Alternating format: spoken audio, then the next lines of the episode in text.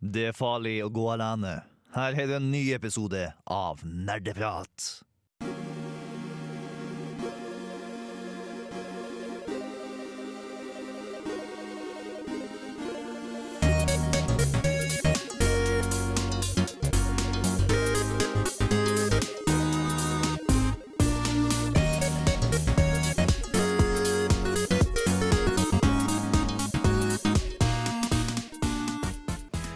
Hallo, hallo, og velkommen til nok en sending av Nerdeprat her på Radio Revolt. Vi har masse spennende vi skal ta opp eh, her i dag. Eh, Vi har tenkt å gå nærmere på psykologi i spill. Anna, kan ikke du kort eh, lede oss inn i hva vi skal ta opp i dag?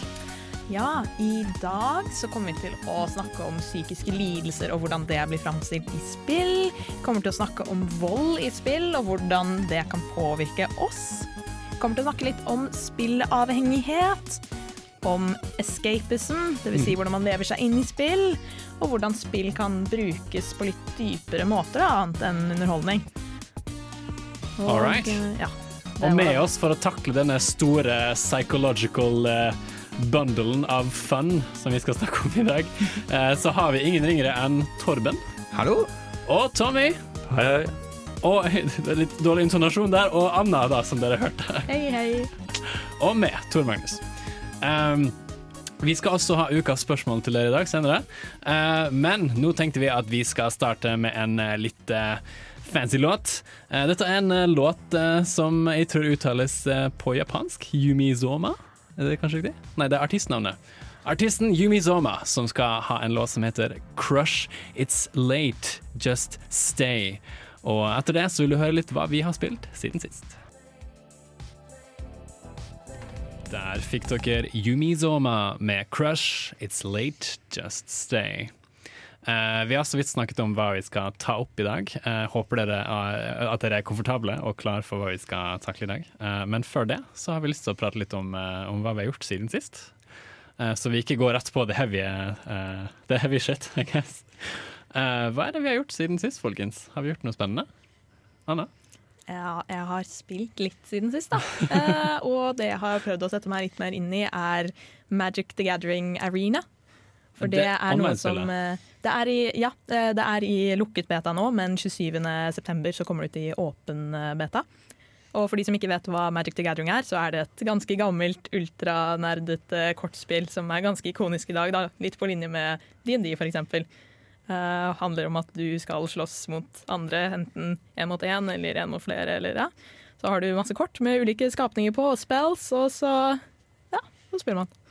Rett og slett eh, to trollmenn, eh, eller trolldamer, alt er avhengig, som, disse, som kaster disse trylleformlene i form av kort. Ja, Så det er litt som en sånn tvekamp mellom trollmenn, da, hvis Ja. du vil se på det på litt mer sånn metanivå. Eller law-nivå. Er det noe character customization eh, med disse trollmennene, eller er det sånn standardiserte to trollmenn bare? Altså, De som er trollmenn, er jo på en måte dere to som spiller mot hverandre. da. For det er de som styrer alle disse dyrene og hiver spells og uh, skal prøve å ta hverandre. Men du har jo i spillhistorien så har du plane walkers, som er de Mm. som kan bevege seg mellom verdenene og er sterkere. Uh, er det veldig sånn likt Heartstone med tanke på liksom, altså, game, sånn, det, game, game mechanic-messig? da? Ja, mekanikken. Ja, fordi Heartstone er jo basically en litt mer enkel versjon av Magic. Ja. Magic kan være veldig komplisert. Det er veldig mange forskjellige typer kort som du skal bruke, og du må sette deg ganske inn i teknikken og Mm. taktikken og sånn. Eh, Jeg har ikke prøvd Heartstone selv, eh, for å være ærlig, men det er fordi jeg har kommet godt inn i Magic the Gathering, da, så jeg føler ikke jeg har noe behov for det. Jeg har jo spilt både Magic the Gathering eh, med selve kortene da jeg var mindre, og jeg har prøvd Heartstone i etterkant. Og veldig sant jeg måtte Ja. uh, Magic the Gathering er en vanskeligere versjon. Det er litt mer, det er litt mer å sette seg inn i, men uh, Mange kort. Ja. veldig mange kort.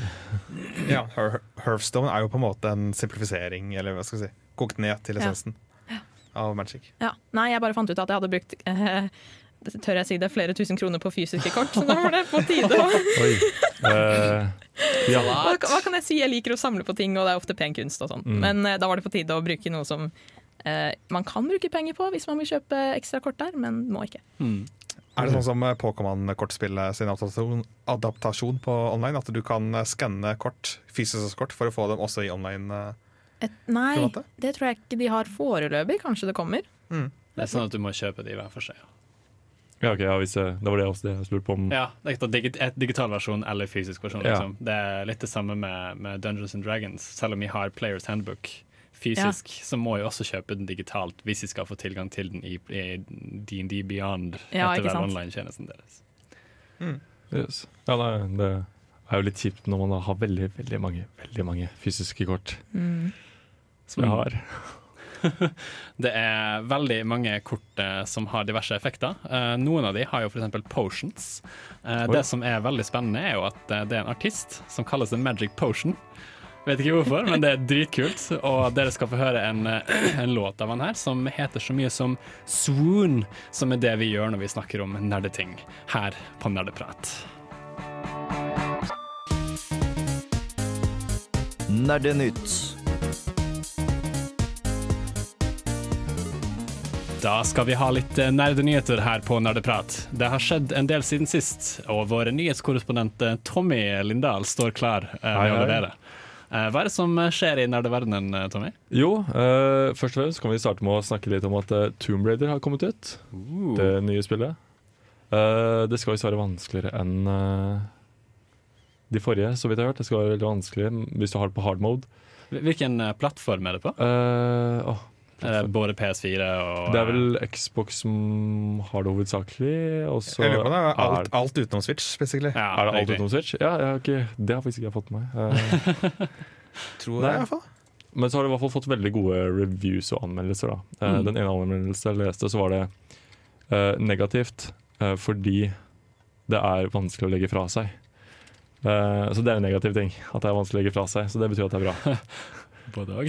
Er ikke det et bra tegn? Det på at, det er bra tegn, det er skikkelig bra? Jo. Eh, Så jeg tror det var litt mer for moro, men uh, Ja. ja. Eh, videre så har vi jo eh, Ja, jeg bare lurte på det. Nå, nå kom jo Spiderman ut forrige uke. Og så kom, kom Tomb Raider ut denne uka. Det er, det er, det er ikke heldig tidspunkt de har valgt. da Når alle går rundt og elsker Spiderman. eh. Eh, nei Ja, nei, altså det mm, Jeg har jo vært borti folk som har vært sånn ah, men eh, nå er jeg ferdig med Spiderman, så bare rusher jeg over til uh, Tomb Raider. Okay. kjenner de folkene som bare Med tanke har på skolestart, så er det kanskje ikke den beste Nei, eh, til dere som er- går på skolen, ikke gjør dette hjemme. Men det blir mer sånn maratonspillere, da. Ja, eh, veldig. Ah. Eh, så hvis du ikke gjør noe annet enn skole og spill, så er det veldig forståelig. Men eh, det, jeg veldig forståelig at du ikke ville gjort noe annet òg, for det, det hørtes veldig gøy ut. Eh, ja. Eh, tenkte jeg skulle gå litt videre over til eh, disse 15 europeiske landene og statene som da slår seg sammen mot eh, spillbransjens gambling-elementer. Ja. Eh, har jeg lest en del om i det siste. Ja, For hva handler det om, Tommy? Eh, det handler om at da disse 15 europeiske landene, som da heter så mye som Forkortelse? ja, eh, jeg, tenker, jeg vurderte litt sånn, Skal jeg nevne alle 15 landene, eller skal jeg bare nevne noen få?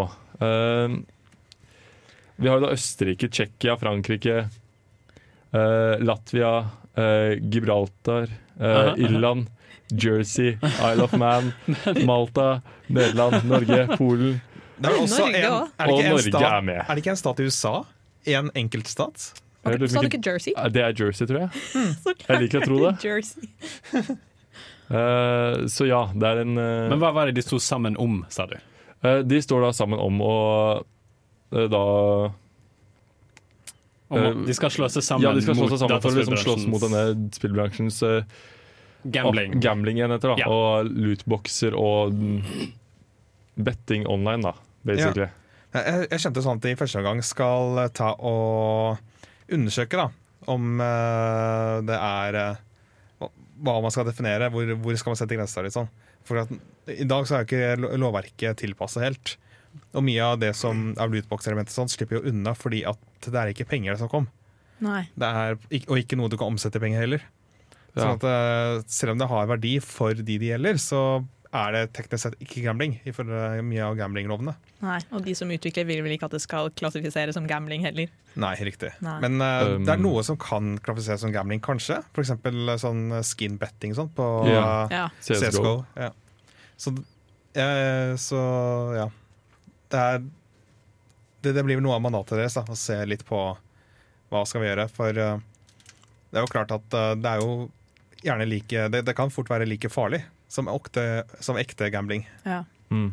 Selv om det på det i dag ikke defineres som gambling. Ja, ja, særlig for mindreårige og sånn som ikke har helt peiling på Ja. hvor mye man faktisk bruker. Og plutselig Oi, ja, eh, mamma og pappa, jeg har gjort dere blakke fordi jeg fikk tak i masterkortet deres. Sant. Det er nesten ja. en soft introduction til gambling, nesten. Ja, Eh, så jo. hvor grensen går, er jo også da et eh, tema for, for debatt. Men jeg syns fortsatt at vi skulle fått game corner i Pokémon. Altså. At vi tok det vekk. Men uh, jeg, jeg er for så vidt uh, helt enig. Uh, jeg tenker at vi, vi tenker litt mer på det for å prøve å figure it out, som for så vidt er det neste låt heter. Hvem skulle trodd? Og du vil få den her av Beach Tape på Radio Revolt. Ja, der fikk du Beach Tape med Figure It Out. Og Tommy, Ja. har det skjedd eh, noe mer siden sist? Ja, eh, det har skjedd ganske mye nytt. eh, Blant annet i Nintendo Direct har hatt sin livesending nå forrige uke. På Nice. Hva, er det som ble annonsert der? Var det noe Ah, uh, eh, veldig mye spennende spill. Uh, blant annet da Final Fantasy-spillene kommer da til uh, Switch. Alle? Ikke alle. Ikke Ikke åtteren. What? Kommer ikke åtteren til Switch? Nei, spesifikt ikke åtteren kommer ikke til Switch. Ah, this is an Den, eh, outrage. den har blitt utelatt nok en gang i uh, spillverden, dessverre. Mm. Kanskje det er fordi de skal jobbe med å remake den i stedet for nieren, og så er det en sånn svær konspirasjon bak her. Men det er utrolig kult Eh. at det kommer så mye PlayStation til Nintendo Switch. Nei, PlayStation. Unnskyld. PlayStation kommer til Switch! Ja, det er, det er jo essensielt det, da. For disse Final Fantasy-spillene ble opprinnelig lansert på PlayStation. Ja. Og Final Fantasy-serien eh, var jo opprinnelig på Super Nintendo. Og så hoppa de til PlayStation eh, rundt uh, der. Final Fantasy 7 rundt Ja, jeg husker ikke. Jeg kan ikke Final Fantasy, sorry. Ja, nei, altså Jeg er bare litt sånn uh, spent på det om at hvordan det kommer til å gå med Final Fantasy når de da De har jo vært veldig PlayStation Sony exclusive i ganske mange år, så det Inntil Cloud Strife kom med i Super Smash Bros. Ja. Det. Ja, det var litt gøy. Det var Så, gøy. ja, nei, jeg er spent på liksom hvordan det her eh, Om det har noe effekt da, Mm. videre. Kan jeg bare veldig kort si at jeg er veldig hyped på at Gamefreak har annonsert et nytt RPG som de jobber på. Oi! Ja. Dette er jo skaperne av, eh, av Pokémon. ja. Ja, De, eh, de, har, de har ikke bestemt hva spillet skal hete, men det heter vel bare Town inntil videre. Town. Uh, som da er et in, the, in, the, in progress uh, brand new RPG som de lager. Det er kult. Som kun tar sted i denne landsbyen. Mm. Oi, begrensa. Uh, ja, det er et par andre ting også som kom fram i den directen. Hvis jeg får lov til å Eh, interessere. ja, det kan du gjøre. Fordi eh, blant annet Luigi's Mansion 3 er det mange som ser fram til. Det er, eh, du kan også få spille de klassiske Nes-spillene som kommer med Nintendo Switch Online, Ah, som eh, ble aktivert i går. Eh, til, for å spille seg, så kan du også få spille med Nes-kontroller også. Og eh, det er eh, ellers så Jeg tror jeg har vært gjennom det meste, altså. Det eneste er jo, var det ikke noe Super Smash? Ja, selvfølgelig! Største nyheten av alle. Animal Crossing kommer til Switch 2019. Oh yeah. Det, der var det mange som uh, fikk det de uh, håpte på. Og de faka oss ut først. ja. For vi fikk en lang sekvens med Isabel i uh, byen, og, som vi gjorde sine en ærend som, nå som ordføreren er opptatt av Smash. Ja, for det var jo en del som hadde vært skuffa over at uh, på E3 så hadde ikke Nintendo nevnt noe som helst om uh, Animal Crossing. Mm. Så folk trodde at det ikke skulle komme noe, men uh, det gjør det. Ja. Men først altså, så ble Isabel introdusert til Super Smash. Ja, Hun som er din assistent når du er ordfører i byen i Animal Crossing New Leaf, tror jeg, vet, til 3DS. Er det ikke slik at det er Isabel som egentlig gjør alt arbeidet, men at du som spiller får all crediten av det hun gjør? Jo, jo, selvfølgelig. Men hun tar det på strak arm, da, eh, har jeg forstått det. Ja, ja. Eh, liksom, ja, jeg jobba hele natt, men nei, nei, ikke tenk på det. Men hadde du noe mer på lur? Ja, Tommy? det er en uh, liten koselig nyhet uh, som ligger på lur. Fortell, fortell. Liten, sa du? Ja, liten uh, Litt mindre enn vanlig. Litt mindre enn vanlig. Litt grann. Tenk, tenker vi Just a bit. Hva da? PlayStation Classic. Oh! PlayStation Ja. Classic eh, kommer nå i jeg tror det var 3. desember, som var lanseringsdatoen. Den har 20 spill som da er eh, lastet inn på, på selve maskinen, eller konsollen, fra før av. Mm. Eh, blant eh, de spillene så er eh, Final Fantasy 7, Hmm. Tekken 3 og tre andre som jeg ikke husker navnet på at the moment. For de var ikke like spennende for min del. Men Ja. eh, ja, det blir jo eh, skikkelig eh, nostalgipunkt for mange som har vokst opp med PlayStation 1, da, for det er bare en nyutgivelse av den. Oh yeah. Det blir sånn veldig nostalgi. Ja. jeg startet jo min karriere på PlayStation 1 i spill, så dette her uff. Men det var noen andre spill du ikke likte. Ja. Jeg ser det i all hovedsak er snakk om ganske tidlig PlayStation-spill. Fordi så Her så er det ikke snakk om DualShock-kontrolleren, den med to uh, analogspaker. Nei. Nei. Hvis dere snakker med den hvor du kun har uh, de styrekorset, Mm. som man er kjent med fra f.eks. Nintendo Entertainment System. Ja, det var jo den originale konsollen til PlayStation. PlayStation. Sånn aller første. For Det kom jo spill seinere eh, hvor du trengte disse to spakene, analogspakene. Var det ikke sånn? Jo. Jeg gleder meg Eh. utrolig, utrolig mye. Uh, men uh, jeg tenker at uh, vi skal ta et lite avbrekk med en låt før vi går videre til å høre på en anmeldelse som Anna har laget Ja. for å introdusere vår temadel om psykologi i spill. Eh, så hold dere fast, folkens. Her skal dere få 'Lighten Up' av Parcels på Nerdeprat.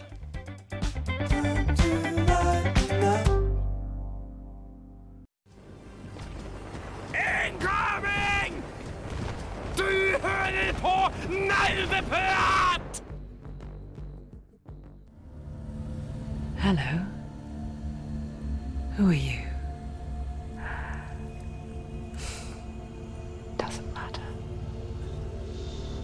Welcome. You're safe with me.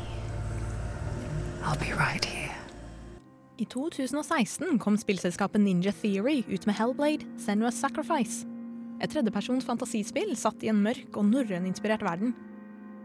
Du styrer Senua, en keltisk kriger som har begitt seg på en farlig reise inn i den nordiske villmarken for å søke hevn og redde sin fortapte elsker.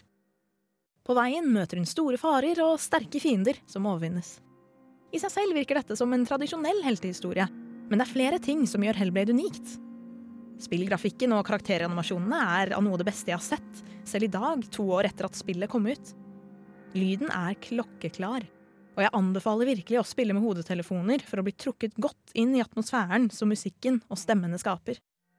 Men det som virkelig gjorde inntrykk på meg, var fokuset på Senuas mentale tilstand. Senua lever nemlig med alvorlig psykose, og måten dette framstilles på, gir en unik og gripende spilleopplevelse. What's happening? It's breathing. Dead. It's breathing. It's breathing.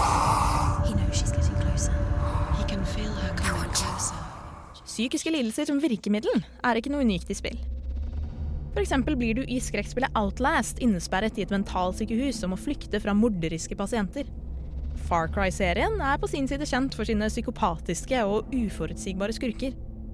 Men dette er sjelden realistisk framstilt. I stedet vises vi galskap i overskudde dimensjoner, ofte knyttet til voldelige og onde fiender som må bekjempes.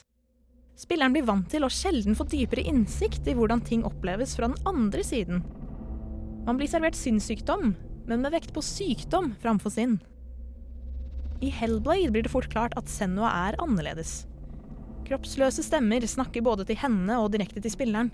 Keltiske og norrøne symboler dukker opp og forsvinner i løse lufta. Verden er isbredt makabre lik, og groteske fiender kan dukke opp rundt hvert hjørne.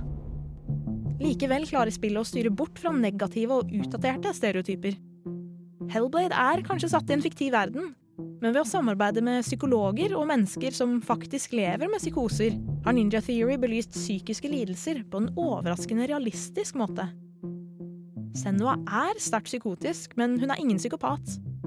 Hun har hallusinasjoner og vrangforestillinger, men er ikke et hjelpeløst offer. Hun drives av frykt og sorg, ja, men også av mot og kjærlighet. Akkurat som i virkeligheten finnes det ingen mirakelkur som kan hjelpe Senua. I stedet må hun lære seg å leve med sin egen frykt og sine indre demoner. Senuas måte å oppfatte verden på er annerledes og skremmende, men blir også hennes viktigste verktøy. Hun ser mønstre ingen andre ville sett, og skaper slik mening og forutsigbarhet i en ellers forvirrende og kaotisk verden. Symbolene som blinker inn og ut av syne, blir til brikker i intrikate puslespill. Stemmene hun hører, kan terge og håne henne, men også trøste. Og når Senua er på sitt mest sårbare og i ferd med å gi opp, er det hennes egen stemme som vinner fram. Dillian, I know you're here. Hold on. I'll find you. Et spill kan aldri gi deg full innsikt i hvordan det er å leve med psykiske lidelser. Men for å få en anelse om hvordan det kan være, anbefaler jeg på det sterkeste å prøve ut Hellblade. Jeg ble virkelig rørt av Senuas kamp, og håper framtidige spillutviklere lar seg inspirere av måten spill kan brukes for å lære mer om slike alvorlige temaer. They can break you, but not your promise. Even death won't keep you apart. Through his darkness you will find him. In your sword still beats a heart. Did I ever tell you the definition of insanity?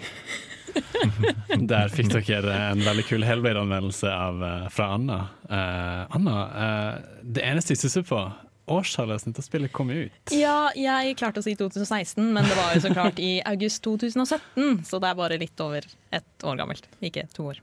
Men det er jo en fantastisk innføring uansett eh, for temaet vi har i dag, som er nemlig ja. psykologispill og hvor vi skal gå nærmere på psykiske lidelser. Eh, kan ikke du fortelle litt mer om, om hvorfor dette spillet er så aktuelt i forhold til det temaet?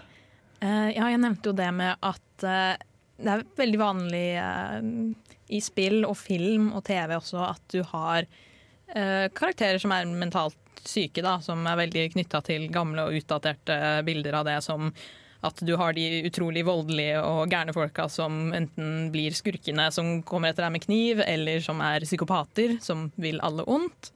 Mens eh, Ninja Theory de oppsøkte veldig tidlig faktisk psykologer og nevroforskere og noe som er ekstra bra, at folk som faktisk har sånne lidelser i virkeligheten, som lider av vrangforestillinger og som hører stemmer og som har andre typer hallusinasjoner. Så de har virkelig gjort research. Uh... Ja, og de, har faktisk, de involverte disse personene veldig i hele spillutviklingsprosessen. Det var ikke bare OK, nå viser vi dere et ferdig produkt, er det ca. sånn det er. Det var OK, fortell oss hvordan dere opplever ting. Hvordan er det når dere hører stemmer? Er det bare fra ett sted? Er det rundt dere? Er det, hva er det de sier til dere? Hvordan er det de snakker til dere? Så jeg, jeg er bare imponert over hele den prosessen. Jeg syns det er så fascinerende. Du, du, du, du litt, du nevnte litt her disse stemmene som er rundt omkring. Ja. Hvordan er det det høres ut?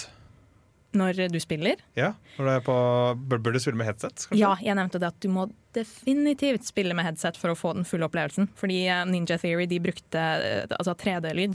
Det er ikke Mm. bare det at stemmene høres på den ene eller andre siden, de går rundt deg, de beveger seg rundt deg. Eh, Jeg så en sånn video som var en del av Development Diary, som det heter. Altså utviklerdagboka Mm. på YouTube. Alle kan se den der.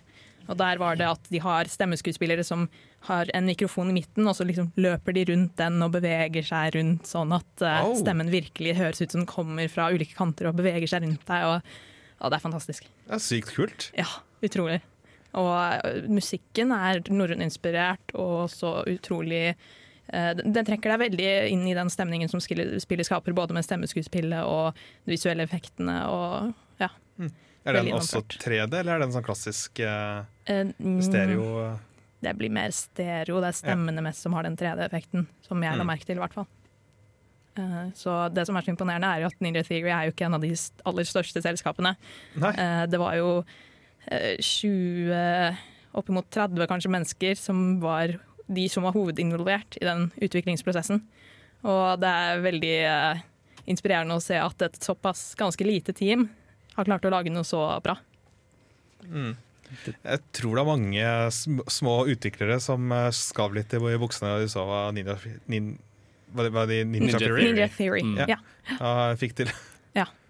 Det er liksom det, det, det, Jeg så folk uh, sa liksom at ja, det, det, det føles som et såkalt trippel A-spill. Ja.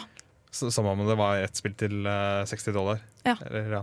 Og det er jo relativt billig også. Jeg tror det koster sånn 200 kroner. Eh, Det er ikke det lengste spillet, da. Det tar kanskje sånn oppimot åtte timer å runde, med mindre du bruker litt tid på å prøve å finne skjulte ting, for det er noe av det. Men det er også et veldig enkelt spill i at eh, spillmekanikken og kontrollene er eh, ganske begrensa, hvis jeg kan kalle det det. Eh, du har ikke noen sånne eh, livsbarer til fiender. Det er veldig, veldig simplifisert i måten du viser en verden på. Da. Jeg tror også um, da Ninja Theory vant uh, fjor, fjorårets uh, Game Awards for beste uh, voice uh, voi- Ikke voiceover, men uh, Voice acting. voice acting. Ja. Ja. Jeg Ja. tror det. Ja, jeg tror hun som, som uh, Hun som spiller Senua. Det Ja. som var imponerende var at Hun var jo involvert i utviklingsprosessen, men som eh, hun er fotograf ved siden av og mer eh, tekniker, tror jeg. Eh, men så ble, ble hun brukt som eh, og hva heter det når du eh, får motion capture? Jeg vet ikke helt hva det heter på norsk. Men hun ble brukt tidlig der for å lage modellen til Senua, og så fant de ut at de likte henne så godt at hun da fikk spille Senua helt fram til den endre versjonen.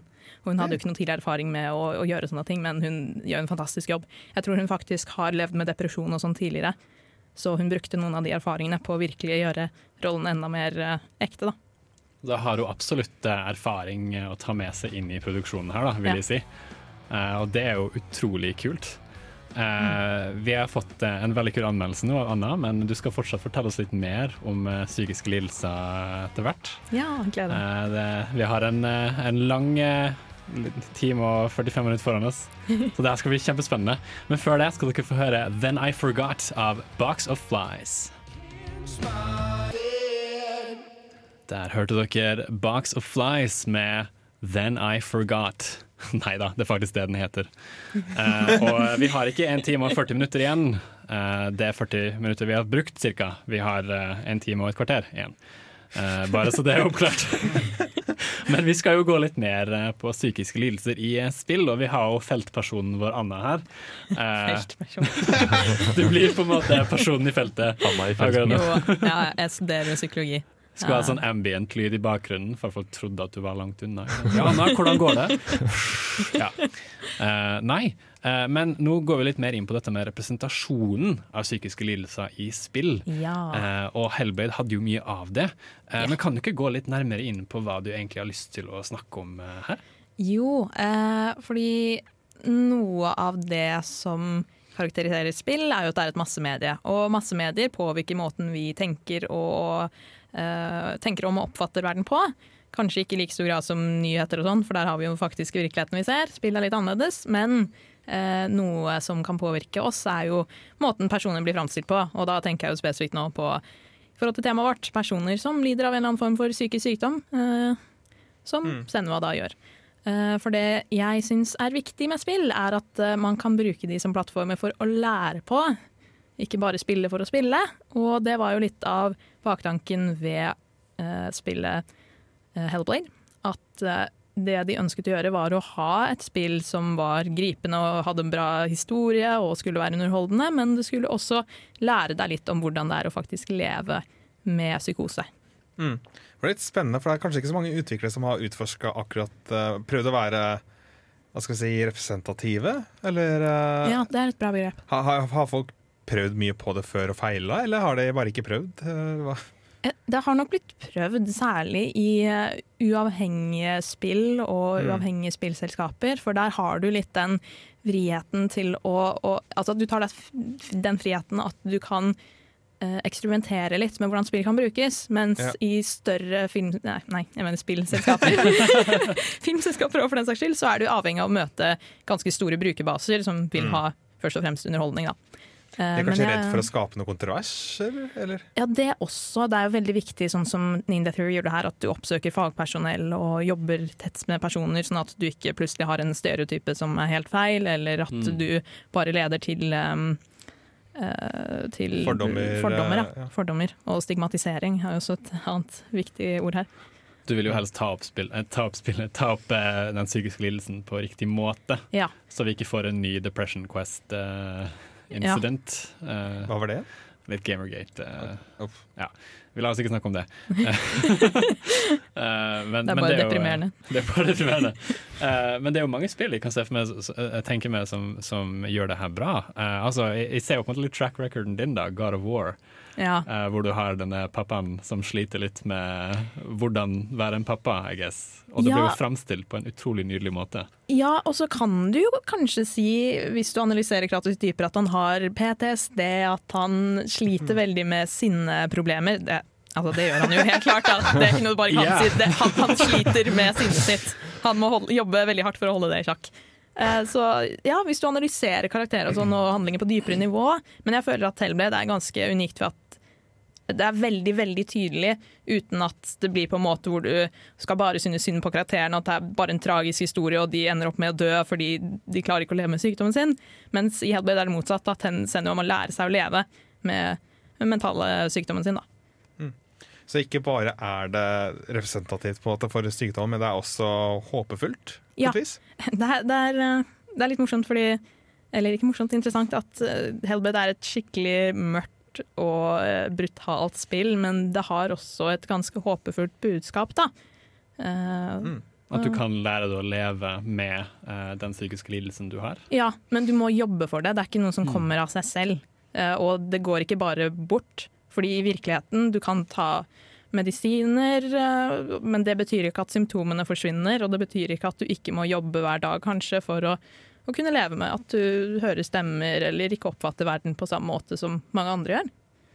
Og eh, jeg liker den mer virkelighetsnære tvisten på spillet. For det finnes ingen mirakelkur i virkeligheten, og det gjør det ikke for Senua heller. Mm, mm. Mm. Jeg kan se for meg at, eh, at det er veldig, veldig mye å ta inn over seg, eh, men at det er veldig eh, Nei, nå mista jeg segwayen min helt. det var uheldig, fordi låten heter 'Unfortunate'. Hvem skulle trodd? Eh, så her skal dere få høre 'Unfortunate' fra Lokoi. Like this, I never thought I'd do the right thing. Beat me by the rules, it's too much, yo.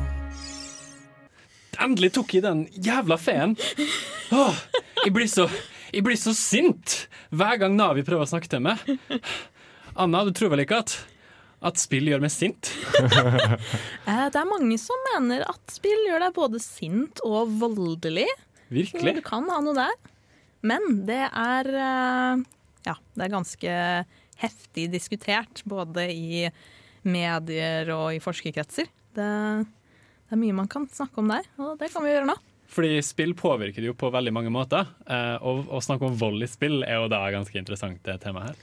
Nå skal jeg gå full meme og si at det, det er ikke selve spillet som gjør oss voldelige, det er lag som gjør oss voldelige. Det også, men det er jo en del av spillingen du ikke kan komme utenom. Så Ja. Nei. Um, fordi som jeg har nevnt eh, et par ganger nå, tror jeg, så kan psykisk sykdom fort bli knytta til vold. Eh, særlig i typiske skrekkspill, at det er de som kommer etter deg som både er syke mentalt og kanskje fysisk og er ute etter å skade deg. Eh, mens i virkeligheten så kan man så klart være voldelig hvis man sliter med et eller annet eh, psykisk problem. Men man er jo også like sannsynlig å bli utsatt for vold, egentlig, som andre er. Så det er litt feilrepresentasjoner der også. Noen eh, vil jo påstå at, eh, at spill gjør en voldelig Det er jo mange som sier det, spesielt etter eh, veldig eh, grove skyteepisoder, f.eks. Ja, nettopp. internasjonalt. eh, hvor det ofte blir knyttet opp imot eh, at ja, denne personen spilte skytespill. eh, og da må jo det være årsaken. Og da var det løsning funnet på det problemet. Trenger ikke gjøre noe som helst annet, men noen annen form for eh, politiske områder, som f.eks. gun control. I mean, det har jo ingenting med saken å gjøre. Nei, jeg, jeg er Men la oss ikke dra politikk inn i nerdepratet enda. Jo, nå. Ja, men det, det er det folk gjerne så ofte Ja, det blir jo pin, liksom eh, blame it on the dataspill, og så For det det vet jobb ferdig. om. Men det er jo en veldig godt synlig uh, hva, hva heter det? Sånn eh, skyllebøtte? Ja, Selvfølgelig, selvfølgelig. og vi, altså Selv eh, tegneserier ble beskyldt uh, før i tida for å Ja. forderve unga. Så Ja. Men det er liksom alltid en tanke om at mediene kan skade oss på en eller annen måte, og at vi klarer ikke å beskytte oss selv mot dem, og så er det ikke yngre personer. Mm. At man etter hvert som man blir eldre og slutter å spille, da, da kan man tenke kritisk om spill og vold, men når man er yngre, da blir man dratt inn i verden og klarer ikke å skille virkelighet fra fantasi, og plutselig så ender opp med å skade noen. Men er det en viss snev av sannhet i det? Jeg, jeg tror at når det kommer til sånne psykologiske studier, da, Mm. så kan du ikke snakke om eh, slike sammenhenger eller korrelasjoner, som vi sier det. Fordi vi veit ikke, vet ikke årsaksforholdet. Hvis du Ikke har et, eh, et veldig synlig retning på årsaksforhold, så kan du snakke om kausalitet. Mm. At én ting forårsaker en annen. Mens her kan det være korrelasjoner. Det er en sammenheng, men vi vet ikke hvilken retning det går. Og eh, det er veldig mange faktorer som kan påvirke om du lar deg påvirke igjen av spill. Mm. F.eks. personlighet, om du allerede har tendenser til å være voldelig eller sint fra før av. Har veldig mye å si. Uh, hvor lett tilgang du har på våpen. Ikke, ikke komme tilbake til den diskusjonen nå, men uh, det er så utrolig mye mer enn spill alene som kan påvirke om du ender opp med å, å bli voldelig. Ja, for det er vel nettopp der du har sånn såkalte surrogatfaktorer. eller sånt da. At du har en ja, vi, vi- ser at denne personen spilte voldelig dataspill og var voldelig, Ja. men det kan jo bety at det er en tredje ting Ja. som denne personen som har ført til begge de to, både at den spiller dataspill og er voldelig. ja, en annen skjult variabel Ja. som kan påvirke den årsakssammenhengen mellom de to andre. Fordi det er jo som kjent eh, de fleste som dør i Norge har, spilt, har spist poteter det siste døgnet. Vi må bli kvitt poteter en gang for alle.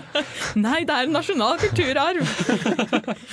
ja, That's it, over og ut med poteter. det er jo et veldig godt eksempel. For eksempel ja, at eh, så og så mange, alle, kanskje alle som har unge som har blitt rammet av vold eller utført vold, har spilt i løpet av livet sitt. Men det er jo fordi størsteparten av populasjonen unge i enten USA eller Norge spiller på et eller annet tidspunkt. Eh, Ja. Så kan man ikke trekke noen slutninger her.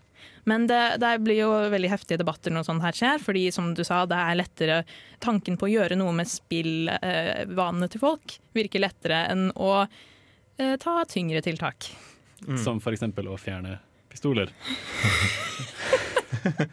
Jeg, jeg kom på en eh, studie. Jeg kan ikke si noen ting om uh, hvor sant dette er. Men uh, okay. jeg tror jeg leste avisutklipp om en studie hvor de hadde prøvd å eh, teste andre veien. da Ja. Empatien til folk. Ja. Om den kunne stryke av dataspill. Da var det unge som fikk spille Super Sunshine. Sunshine. Hvor de skal ta og vaske en øy eh, fylt for søl. Ja. Sånn overflatisk sett. Og jeg tr tror og mener at de var skårte litt bedre på å være empa- empatiske. Ok, Var det på den ene kiden, eller var det flere det var snakk om? Det er det jeg ikke husker. Kanskje var et case-studie. Og for alle de psykologistudentene som får fnatt der ute nå, så vet vi at det ikke er like anvendbart på populasjoner når det bare er én person du studerer. Man må studere mange. Men det er et godt poeng. Det kan jo virke andre veien òg, at du lærer eh, og får mange flere evner fra videospill. Og for de som ikke vet hva fnatt betyr, så betyr det rykninger i eh, underlivet. Uh, her skal du få Cape Town fra Mynula. Der hørte dere Mynula med Cape Town her på Nerdeprat. Vi snakker fortsatt om psykologi i spill og dårlige puns og segways av yours truly. Uh, men Anna, Ja. eh, skal vi gå nærmere på noe annet spennende eh, i psykologi i spillverdenen nå? Det kan vi, vet du. Fordi det er jo mange som spiller fordi det er gøy, og fordi det er en positiv eh, del av livet deres. Og, men, og jeg eh, likte jo å spille masse da jeg var Masse. kid. Sant? Masse, masse, Så mye at jeg ikke hadde tid til noe annet. Det er kanskje et problem for noen, fordi det vi kan snakke om nå er spillavhengighet. Og det er jo også noe som ofte trekkes fram i mediene. Og eh, at det er et utbredt problem, særlig blant unge. Eh, Både, kanskje mest i USA, da, men også i Norge har det vært trukket fram. Eh, Og grunnen til at det kan bli et problem, er jo at hvis du blir avhengig av å spille, så deler du ganske mange symptomer, egentlig, hvis du ser på det litt bredt, med avhengighet på andre områder. Mm. Du kan isolere deg. Du kan slutte å bry deg om å delta på andre områder av livet ditt, fordi det oppleves ikke som like spennende eller bra. Du kan faktisk få abstinenssymptomer. Du kan bli nervøs eller sint eller kanskje deprimert også hvis du går lenge uten å spille. Og det kan til og med være helsefarlig. Ja, jeg ser for meg at det her blir jo på en måte sånn at fokuset ditt ender opp med å ligge bare i spillet. Eh, jeg tenker jeg reflekterer litt tilbake på da jeg spilte MMOs som ung kid på ungdomsskolen. Og det eneste jeg tenkte på, var å komme hjem og, og klare den nye dungeon, eller uh, levele karakteren min i Guild Wars, Ja. eller noe sånn, få, til nye, få nye equipments og ting. Og det, det ble liksom Fokuset mitt var bare der. Leksene og sånn var ikke like viktig. Ja. Mm. Men det, det er en liten ting, Jeg vet ikke om du har noe godt svar på det, Anna. Men jeg kom til å tenke på at uh, Jeg har ikke hørt så mye om bokavhengighet eller filmavhengighet. Jeg Hva er det som gjør at spill eh, er spesielt potent for å Jeg, jeg skulle lage si det, fordi eh, man kan jo veldig lett bli trukket veldig inn i andre typer medier, som bøker. Du kan liksom må Mm. komme deg hjem for du vil lese hele Harry Potter-serien ferdig, som jeg gjorde da jeg var yngre. Men det blir ikke sett på som like farlig, eh, og det trekker deg kanskje ikke like mye inn og varer ikke over like lang tid som det du kan gjøre med spill. Mm. Eh, Det jeg tror at spill har en litt sånn større faktor der, er jo for at spill gir deg en mye større mestringsfølelse enn det kanskje Ja. film og bøker gjør. Sånn, ja, du vil få en mestringsfølelse av, å ha lest en bok, men et spill gir deg my, har mye lettere for å gi deg flere mestringsfølelser, denne mestringsfølelsen flere ganger i løpet av en dag da, og en kort periode. Ja.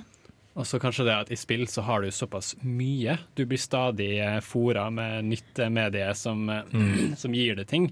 Mens i en film så har du gjerne en og en halv time, Ja. og så er det ferdig. Ja. Uh, og det, altså bøker har for så vidt også mye å gi, da. Men det er liksom ikke, da må du jobbe litt mer for det. Uh, Sammenlignet med spill hvor du egentlig kanskje tar mer imot enn du jobber for det. Ikke alltid, I guess.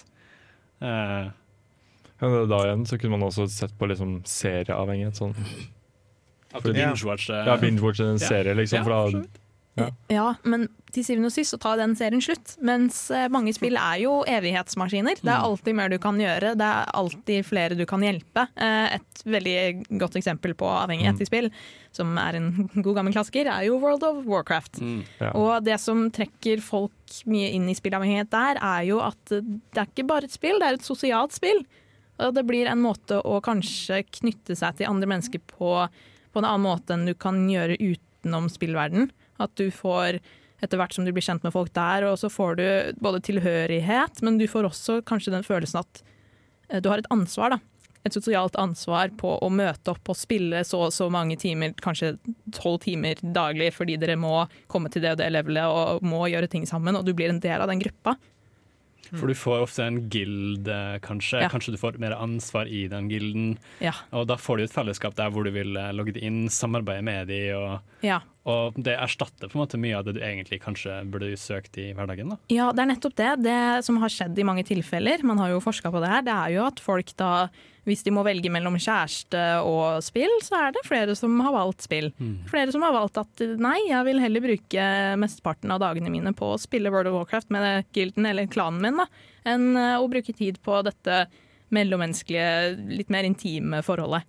Og det er jo litt bekymringsverdig, eller ganske bekymringsverdig, fordi man, man, man isolerer seg selv, da. Men ja. Ja. Eh, litt sånn spørsmål eh, på tampen her, tror jeg. Eh, Du har eh, Du har jo folk som spiller spill på en måte profesjonelt. De Ja. sitter i Overwatch, eller kanskje ikke så mye Overwatch, men uh, i andre e-sportspill, og kanskje bruker hele dagen sin der. Mm. Hvor, hvor går grensa mellom spilling som er harmløst, og eh, når det utvikler seg til å bli problemspilling? Er det en timesgrense, eller eh, Jeg tror det har veldig mye å si på at du du tar ikke vare på deg selv. Du tar Mm. ikke vare på de du har kjent før du begynte å spille, og forholdet dere har. Og det spillet blir viktigere enn ansvar du har utenfor, da. Og så Ja. spiller du kanskje også for å unngå problemer og ansvar i virkeligheten som Det blir en ond sirkel. Du spiller mer og fordi problemene utenfor bygger seg opp fordi du ikke bryr deg om dem eller bruker tid på dem. Så man må finne en balanse. Det er jo lov å spille mye, men det kan bli veldig uheldig hvis det pågår over veldig lang tid. Ja, fordi du nevnte at du uh, lurte på liksom, hva- hvor går grensa for spilleavhengighet. Og liksom, ja.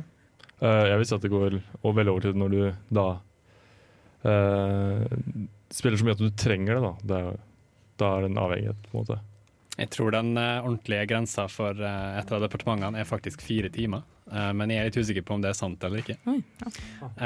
Men uansett, vi skal bryte opp med en liten låt. Her skal dere få 'Wanna Be Your Man' av Profit. Der fikk dere høre Profit med 'Wanna Be Your Man'. Vi driver og snakker om psykologi i spill og har vært inne på avhengighet. Og eh, kommer til å gå litt videre mot eh, dette med eh, spill som escapism. Ja. Vi snakket jo litt om hvordan man på en måte spiller så mye at man glemmer alt annet. Og da er det jo nettopp dette med escapism som blir så viktig. Anna, kan du ikke fortelle oss kort hva det går ut på?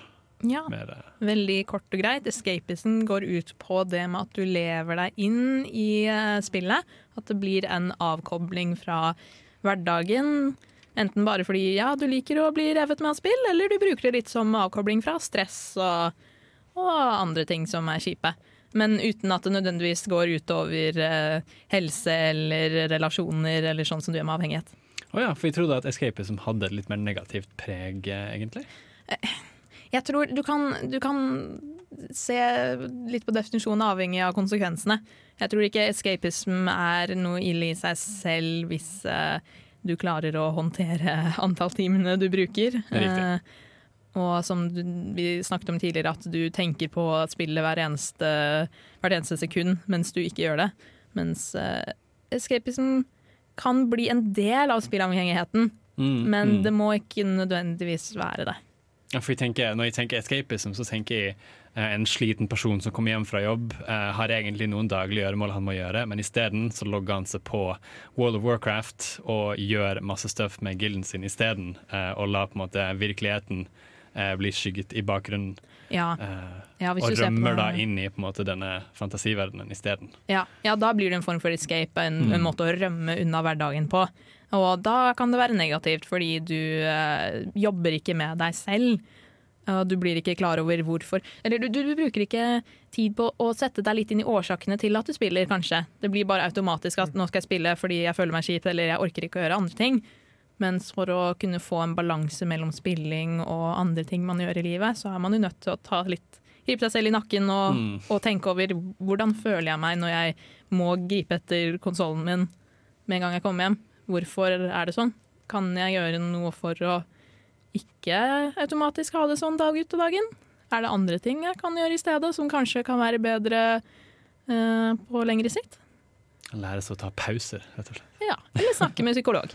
Det er fullstendig lov å gjøre for eh, sånne ting som man kanskje ser på som mer hverdagslige, men eh, man skal ha lav terskel for det. altså. Det er jeg helt enig i. Jeg Var det noe mer under der som du hadde lyst til? Jeg ser du har en lang liste der med masse kule punkt. Så jeg er litt sånn spent på oh, hva er det du skal snakke om nå. Ja, altså På escapism så hadde jeg ikke like mye som på de andre, men eh, jeg kan jo f.eks. si at jeg selv merket at da jeg eh, begynte på universitet og gikk og flyttet hjemmefra, eh, og dro helt fra videregående i Drøbak til Universitetet i Bergen, og sleit litt med å bli kjent med folk, så merket jeg at jeg brukte veldig veldig mange timer på Skyrim. da. Og det har jo en Mm. atmosfære som bare trekker deg inn, og det er jo også en typisk evighetsspill som du, du runder aldri Skyrim, du runder hovedquesten, men det er jo alltid nye banditter du kan slåss mot, og nye hjørner av verden som du kan oppdage. og ja. Ja, er det noe spesielt som kjennetegner spill som man typisk eh, rømmer inn i for å, når du escape, escaper i hverdagen på den jeg, måten? jeg, jeg tror det er litt avhengig av hva du liker best ved spill. Noen Mm. liker jo fantasy-settinger og seg drømmer seg veldig bort i det, mens andre liker kanskje mer eh, real, realistiske spill eller skytespill som Call of Duty, eller spill som har veldig fokus på det sosiale. Hvor du kan bare skyve bort eh, problemer i hverdagen og heller bare jobbe med et team som du bare kjenner digitalt. Mm. Er det noen typiske spill eh, annet enn Skyrim som har rømt inn i? altså, nå tenkte jeg jo med en gang igjen på World of Warcraft, da, men eh, nei, det, det er så mye forskjellig. Det blir så individuelt, så jeg føler ikke at jeg bare kan komme med noen kroneksempler. Jeg merker at det er ofte MMOs som blir brakt opp når man snakker om escapism. Ja, jo, ja, det er sant. Det blir jo en sjanger som er ganske sentral. Uh, jeg vil også si at uh, Mobar også har en tendens til å dra deg veldig inn i Fordi de bruker Ja. gjerne lang tid. Uh, sånn, ikke, ikke fordi du liksom eh, velger å bruke lang tid, men fordi selve en runde tar veldig lang tid. F.eks. League of Legends, hvor en runde kan ta alt fra 20, til en time, 20 minutter til en time, liksom. Ja. En, er- en Moba er da et sånn fem mot fem PVP-spill, er det ikke det? Jo. eh, Fem mot fem PVP-spill uh, om å ødelegge hverandres base først. Ja. ja, for der får du det konkurranseelementet også, som mange Ja. trekkes uh, mot spill uh, på grunn av. At Mm. du kan vise at du kan være bedre enn andre på en eller annen måte. Ja, og det er veldig sånn ja, person mot person, én versus én. Ja. Mm, mm. Eh, vi skal gå videre til å snakke litt om kontrasten til escapism. Eh, litt om hvordan du kan bruke spill som virkemiddel til å takle hverdagen på en mer positiv måte. Eh, og da eh, skal vi først høre på en låt her som heter 'Hamtjenesten' Ham-tjenesten av Boys. Der fikk dere Ham-tjenesten av Boys, som vi tror er på svensk. Mest sannsynligvis. Uh, vi har snakket litt om escapism uh, i spill, uh, som i kobla som litt mer negativt. Anna var ikke helt enig. Men, men vi går videre med en kontrast av det, da, hvor vi snakker om å bruke spill på en mer positiv måte å takle hverdagen på. Ja. Var det noe spesielt du hadde in mind i tankene der, Anne? Eh, ja, altså ikke bare hvordan enkeltpersoner kan bruke det som en måte å takle hverdagen på, men også hvordan det kan brukes mer konstruktivt, da, som liksom læringsverktøy eller sånn. Mm. Fordi eh, Jeg kan ta et eksempel. da. Altså, hvis du skal lære barn i, eh, i tidlig grunnskole matte i dag, så er det jo blitt mer vanlig at man trekker fram apper med mattespill og sånn, for eksempel. Fordi der har du både de der inntrykkselementene som farger og lyder og bevegelse av karakterer, og du har et mer interaktivt element, da. Så det er mange som har gått over til å bruke det. Eh, ikke, ikke bare det, så klart, men eh, å bruke spill i andre settinger enn det det tradisjonelt har blitt brukt til, det blir vanligere og vanligere. Vi skal jo gå litt videre på gamification nå straks. Ja. Eh, men det første jeg tenker på her, når du tenker på spill som virkemiddel for å takle hverdagen, er jo når spill klarer å representere eh, psykologiske temaer på en så bra måte. Ja. At du kommer ut av det og tenker wow. Eh, og på en måte bruke det igjen til å takle hverdagen. Eh, jeg spilte jo gjennom Celeste her for ikke så lenge siden. Ja. Og der tar jo de opp eh, en jente som sliter med angst. ja. Og hele dette plattformingsspillet det går ut på hvordan hun ender opp med å takle det bedre. Og det er representert på en sånn nylig måte at når jeg på en måte hadde spilt ferdig det spillet, så kunne jeg liksom gå ut igjen til verden og, og bare føle meg bra. ja. For da hadde jeg liksom fått en skikkelig god historie om en jente som virkelig klarte å takle angsten sin. Og, og jeg ser for meg at, eh, og, og jeg vet at det er folk som faktisk går og sliter med angst, har eh, takka utviklerne eh, for denne veldig accurate, eh, gode representasjonen. da. Så Og hvordan de løste det. Ja. Eh, Nei, fordi det er jo det med at spill gir deg en større mulighet til å, å ikke bare ha sympati for karakterer, men empati, da. Fordi ofte er det jo du som styrer de karakterene som lever med disse følelsene om å gjøre disse valgene, og som du sa, angst. Det er jo noe mange må lære seg å takle og leve med. Og eh, du har jo også spill som gir deg etiske dilemmaer og mange morale valg du må ta, som The Walking Dead, blant annet. De Telltale-spillene. De eh, har blitt eh, ofte trukket fram som gode eksempler på spill som kan lære deg mer om empati og, og, og hvordan du skal takle etiske spørsmål. Ja, for Er det ikke en skoleklasse et eller annet sted som har hatt lærere som har spilt gjennom, eh, og så har klassen diskutert disse etiske dilemmaene Ja. seg imellom? Men Ja. jeg skal lese noe om det. Ja, jeg også. Jeg husker ikke hvor, da. Eh, Nei. Det gjør jeg ikke. Men det, var det i Norge? Ja, jeg tror det. Ja. ja, Det er jo fantastisk, Fordi da kan du jo fange oppmerksomheten til en hel klasse. Og, og, ok, Noen av de har kanskje spilt det fra før av, men da blir du kanskje bare enda mer gira på at du bruker det som et eksempel da, i undervisningen. Men eh, ja, det, det er ikke bare det å må skyte ting, altså. Du kan også eh, bruke det til å lære deg, lære deg å føle. Nei, men at du, at du Også det med det sosiale aspektet. At hvis du har sosial angst, så kanskje du klarer å bli bedre til å snakke med mennesker gjennom spill. Og at det kan utvikle seg til at du tar med det videre til utenfor spillet. Et eh, godt eksempel på det er jo Dungeons and Dragons. Ja. Eh, hvor kanskje mange som sliter med å fungere i sosiale eh, omgivelser, kan lære seg mer av det når de Ja. rollespiller sammen med andre i en tett vennegjeng. Rollespill som gjør at du må ikke være deg nødvendigvis. Du kan ta Mm. på deg en litt annen rolle, så kan du utvikle deg ut ifra det. Det tror jeg kan være veldig sunt for mange. Mm. Uh, Dungeons and Dragons tradisjonelt er jo en ikke-digital setting, da, men du kan jo ha det over Skype eller andre programmer også i dag. Ikke sant? Så har du jo da tryggheten av ditt eget hjem rundt det. Ja, mm, nettopp. Uh, så er det jo også noen spill som gjør deg kanskje i stand til å takle sorg. Det er et eksempel jeg vil trekke fram som uh, jeg opplevde som handlet om uh, ja, at du takler kreft i barnet ditt. That Dragon Cancer. Anbefaler å sjekke ut det. Å ja. Ja. Mm. That Dragon. That Dragon Cancer. Ooh. Trist tema, men veldig inntrykksfullt. Ha. Høres utrolig spennende. Eh, Vi skal gå litt mer nærmere på gamification, som vi så kort nevnte her, og hvordan det fungerer. Her skal dere få høre en låt som heter Heaven av Clyro. Du hører på Nerdeprat.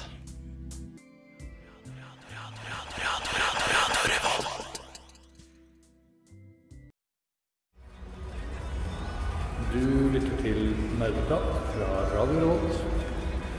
You're listening to Nerd Talk from Radio Revolt. Der fikk du høre uh, en låt. Der fikk du 'Heaven' fra Clyro. Uh, vi skal snakke litt mer om gamification. Uh, hva var det du sa gamification var for noe, Anna? Ja, jeg sa kanskje ikke det, men gamification, det ja, Kort forklart så er det å, å bruke ganske typiske spillelementer i andre aktivitetsområder enn spill. Det blir kanskje hovedsakelig brukt som en måte å trekke et større publikum til eh, et produkt eller en tjeneste, ofte apper, da, og skape mer motivasjon og engasjement rundt, eh, rundt bruken av det. Fordi spill er jo ganske engasjerende, og hvis man bruker elementer fra et spill, så kan man få et eh, plutselig litt mer engasjerende produkt. Hvor ting på en måte blir spillifisert. Ja, ikke at du lager et spill, men at du f.eks. bruker uh, spillelementer som Mm. eh, et poengsystem, da. Med, med ledertavler som viser uh, ulike scorer hvor du kan konkurrere mot andre, f.eks. Jeg fant jo et veldig kult eksempel på det som vi viste det så kort her i pausen. Ja. Uh, det er jo en, et, en lite checklist, en liten checklist som heter Quest. Eh, På iPhone sin Apple Store. Jeg har Android, så jeg er ikke sikker på om det er Apple Store det heter. men eh, jeg antar det. Eh, Det er i hvert fall til iPhone, og det er en liten checklist hvor du skal skrive ned daglige gjøremål, daglige gjøremål som f.eks. å ringe mamma. Eller vaske toalettet, eller gå ut og hente posten. Ja. eh, Som da er gjort om til på en måte quests, hvor du får experience points. Hvis du kan Mm. eh, sjekke av at du har gjort eh, en av disse gjøremålene. Mm. Som kan være en liten motivator for, eh, for folk da som sliter kanskje med å komme litt i gang. Ja, for det er jo et ganske vanlig trekk ved f.eks. depresjon. Da. At du sliter med å ha det energinivået som kreves for å gjøre det som i utgangspunktet er ganske enkle oppgaver. Da. Som husarbeid, gå ut med søpla, ta og vaske badet. Plutselig så sliter du med å få gjort det fordi åh, du har ikke ork, du, du klarer det ikke. Da kan dette være med å hjelpe. Og, altså Få experience points for å ringe mamma, det er jo ganske gøy. Ja. Det er, ikke, det er- ikke sånn magisk krydder man kan uh, krydre heller. da Det må jo være litt sånn Jeg hadde en app som uh, lot meg ta tida på som pomodoro-teknikk. Det er en sånn teknikk hvor du arbeider 25 konsentrerte minutter, og så tar du fem minutter pause. Mm. Ja. Så slipper du å, bruke, å gå på Facebook i arbeidstida. på en måte Ja. Eh, Og da er det en Men den appen den gjorde ikke annet enn å telle opp antall ganger jeg hadde kjørt en pomodoro. Og så kunne jeg gå opp i level, på en måte. Ja. Det var en slags XB-system hvor du kunne levele opp. Ja. Men det hadde jo ikke noe å si på måte, at jeg levela opp. Så jeg, vet, jeg tror kanskje ikke den, den eh, tok og motiverte meg noe særlig. Men eh, jeg, jeg vet ikke helt hvor jeg skal på dette. Men eh, det er ikke, Nei, men, men altså belønning, det trenger ikke å være noe penger eller noe sånt det er snakk om, bare at du får sånne kule ikoner som du kan samle på i en liten mappe inni appen, gjør at oi shit, nå har jeg fått de og de og de, nå kan jeg kanskje skaffe meg de og de neste gang, og jeg har i det levelet, selv om det ikke har sånn stor betydning utover den appen, så har det betydning for at du kanskje fortsetter å bruke det. Fordi vi mm. det er et eller annet i hjernen vår som bare trigges av at vi får belønninger. Litt sånn belønningssenter som aktiveres ved at å, nå har jeg oppnådd det, da skal jeg gjøre det neste gang. Mm. Ja, for du har Jeg kommer til å tenke på f.eks. Pokémon Go. Det er jo ikke så veldig Ja. mye en gamification så mye som det er et spill. Ja, det er men et det, spill. men det har- tar jo på en måte å, gjøre om til spill det å gå rundt i byen og bli kjent med ting. da Ja, eh, der snakket vi jo litt før om nytteverdien av spill, og der var det jo fysisk aktivitet. Sånn som Ja. eh, vi sports, men her er det du går rundt ute. Ja, da, helt til du kommer fram til det punktet hvor du har et pokestop rett utenfor huset ditt. Da gjør du ikke det lenger. Ja, da begrenser du utforskningselementet litt, da. Ja. Ja. Man gjør jo det. Eh, jeg tenker at eh, vi skal bevege oss litt bort fra psykologielementer og komme inn på eh, litt mer psykologielementer. da. Ukas spørsmål, eh, som jeg har forberedt til våre kjære medlemmer i studio. Jeg håper dere er forberedt på hva det er. Ho, ho, ho, jeg gleder meg. Her skal dere få høre 'Follow the Lights' av Pom Poko her på Radio Revolt.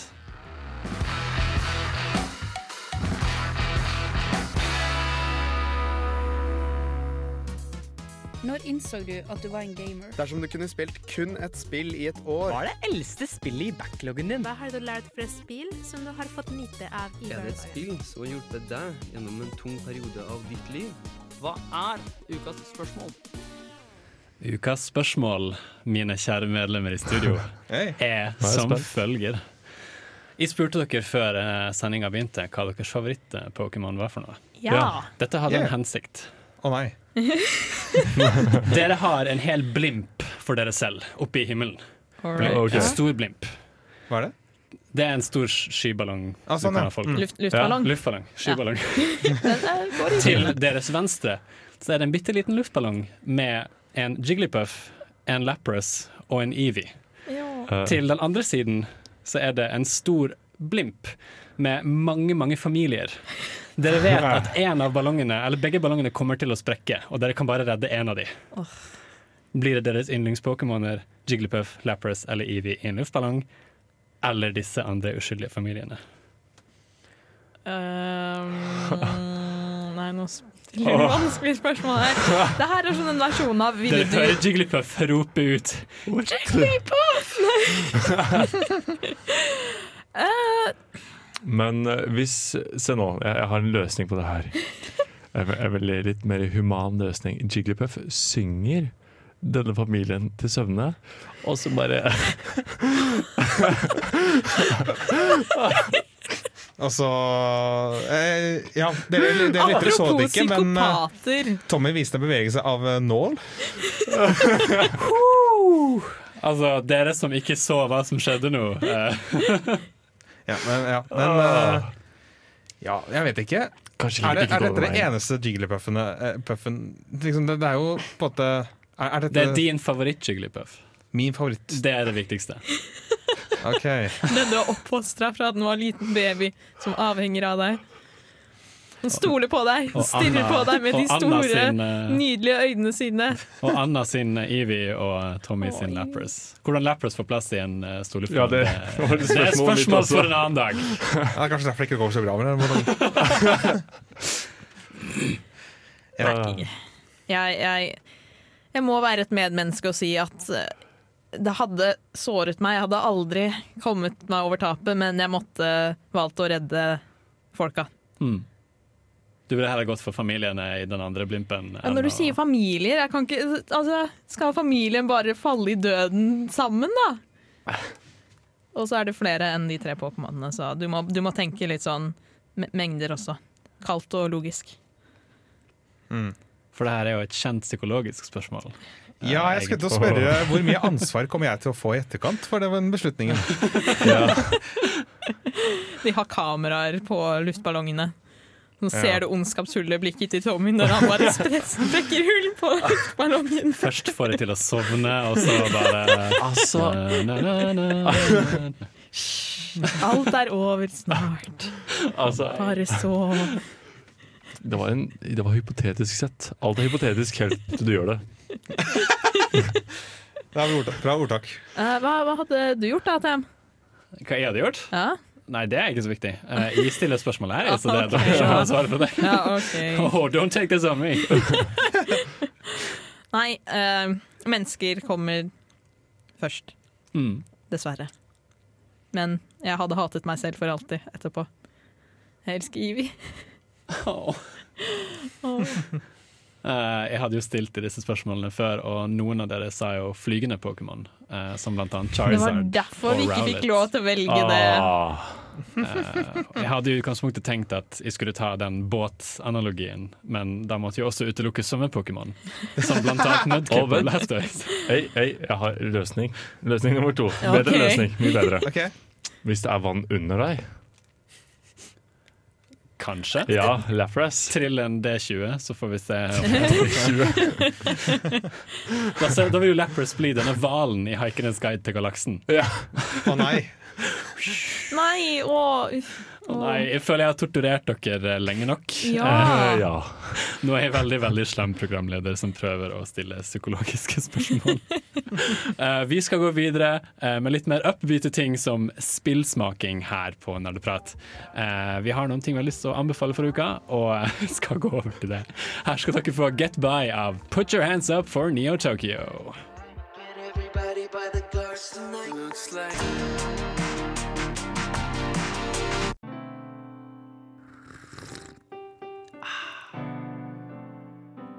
Ukas spillsmak.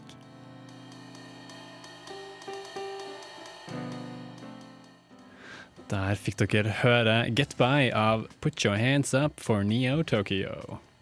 Etter uh, veldig mye hets og stygge blikk fra resten av folka i studio etter mitt veldig ondskapsfulle spørsmål, uh, så tenkte jeg vi kunne slå oss litt tilbake og komme med litt spillanbefalinger eh, for uh, uka. Uh, Sjøl så har jeg også noe kult å komme med. Er det noen eh, andre her som har eh, noe kult de har plukket opp i løpet av uka, som de har lyst til å anbefale folk å sjekke ut? Ja. Hva har du funnet ut av? Eh, det er ikke et nytt spill, men eh, det er et jeg likte veldig godt. Det heter The Beginner's Guide. Og det er laget av han samme som lagde Stanleys uh, Parable, Ja. hvis du uttaler det sånn. Uh, Davy Reedon. Og uh, er forma mer som en personlig historie som kanskje er litt dypere da enn Stanleys Parable, som var mer sånn surrealistisk. Eh, og det kan du få på Steam for 70 kroner nå. Og det er kort og enkelt, men som sagt eh, litt dypere da enn Stanleys Parable. Jeg likte det veldig godt. Jeg, ble, jeg levde meg inn i det, selv om det ikke var noe lenger enn en og en halv time. ish. Hva sa du at det handla om? Eh, Jeg vil ikke spoile deg så kort, Ja. da, men det er jo basically han som snakker til deg og forteller en historie mens han tar deg litt gjennom en, eh, en gruppe spill, eh, eller en serie med spill, da, som har blitt laget av en kompis av han. Mm. Mm. Så, altså relaterer han det til uh, en historie med denne kompisen. da. Ja. ja, du har prøvd det? Ja, jeg spilte. Ja. ja. For et uh, Jeg husker ikke hvor lang tid siden, men flere år, kanskje. Mm. For det, det har vært ute en stund. Men Ja. Uh, Det er ikke nytt, men jeg oppdaget, oppdaget det for ikke så altfor lenge siden og Mm. likte det veldig godt. Det her må vi sjekke ut, eh, Tommy. Fikk Ja. Guide. Det er jeg, har, vi- har ikke spilt det? Å ja, det er bare jeg som ikke har spilt det. Ja, eh, jeg syns det er veldig kult. Uh, Det må du sjekke ut her. Ja, det må jeg sjekke. Ja, det, er, det stiller noen interessante spørsmål når det kommer til uh, spillnarrativ. Ja. Det er veldig, veldig kreativt eh, laget. Hmm. Så igjen, Hmm. indiespill er kreative, Altså. Yeah. det er der du får det de virkelig de. store fortellingsgjennombruddene. Og... Det er de som har råd til å være kreative òg, på en måte. det er sant. Det er det absolutt bevisst, eh, Mm. bevist. Eh, Sjøl vil jeg anbefale en veldig kul, eh, et veldig kul innspill som heter Old School Musical. Oi, som okay. er et eh, rhythm adventure game. eh, som basically eh, hovedsakelig tar deg gjennom veldig mye forskjellig spillehistorie i form av litt uh, skal jeg, Nå snur jeg på en laptop, så alle andre her kan se. Beklager lyttere, ikke dere. Men det er hovedsakelig et rytmespill hvor du har sånn som Dance Dance Revolution, uh, disse Mm. pilene som kommer bort og ned, Ja. hvor du skal trykke i takt med musikken. Uh, og så går spillet gjennom en masse gammel spillgrafikk, som blant annet av Pokémon og Zelda, og, og har på en måte blitt beskrevet som et spill som går gjennom uh, spillhistorien da, på 8-bit og, og den type musikk og sånn. Har du spilt, Det er kult. Hvor mye har du spilt av det? Eh, jeg har ikke spilt det, jeg har bare sett det. Ja, er, det, er, det, er det sånn kommersielt tilgjengelig spill, eller er det gratis uh, type flash? Eller? Oh, Fordi det slår meg at det, det er litt sånn risikosport å skulle hente gammel grafikk fra spill. For mye av det er jo gjerne opphavsrettsbeskyttet. Ja, The særlig i game is out today for Switch and PC. Oi, Oi. Yes. Faktisk på Nintendo-konsoll, de. Fått noen rettigheter der, antageligvis. Eller så går det inn under eh, diverse unntak fra opptaksrett. Ja, opphavsrett. Ja. Ja. Mm. Antagelig. antagelig. Uh, har du noe, Torben? Nei, ikke noe særlig. Ikke egentlig? Nei? Ikke, eller, jeg har spilt et spill som heter Semblance. Jeg har ikke spilt det ferdig, jeg startet på det i går. Eh, som er, eh, De kaller seg for en puzzle platformer. Det er egentlig et ganske godt begrep, hvor du har en rekke puzzles. Eh, det unike her er at plattformene ikke er hogd i stein, for å si det sånn. da. De er på en måte litt elastiske, så du kan hoppe inn og liksom ta fart inn i plattformen, og så forme dem. Okay. Sånn at hvis du har en rett vegg, så kan du fortsatt komme opp til veggen ved å ta fart inn i, inn i veggen. for å lage en liten bule i veggen. Så Ja. bruke det som et sted hvor du kan hvile og hoppe ut, og så ta fart tilbake i veggen, og så Ah, okay. lage deg trappetrinn oppover omtrent. Ja, så det er litt annerledes vri på vegghopping. Ja, ikke bare vegghopping, men du kan også dytte plattformer og Ah, andre andre måter å transformere dem på. Ja, kult. Så det er eh, Det eneste jeg sliter litt med, er at eh, det har på en måte ikke fått meg sånn hekta ordentlig. Nei. Det er eh, litt uh, det, det er på en måte ikke noe god uh, intro som uh, Eller anslag Nei. i historien. Nei. Eh, kontra for eksempel et annet spill som jeg ble minnet litt om, som heter Ori and The Blind Forest. Å, ja.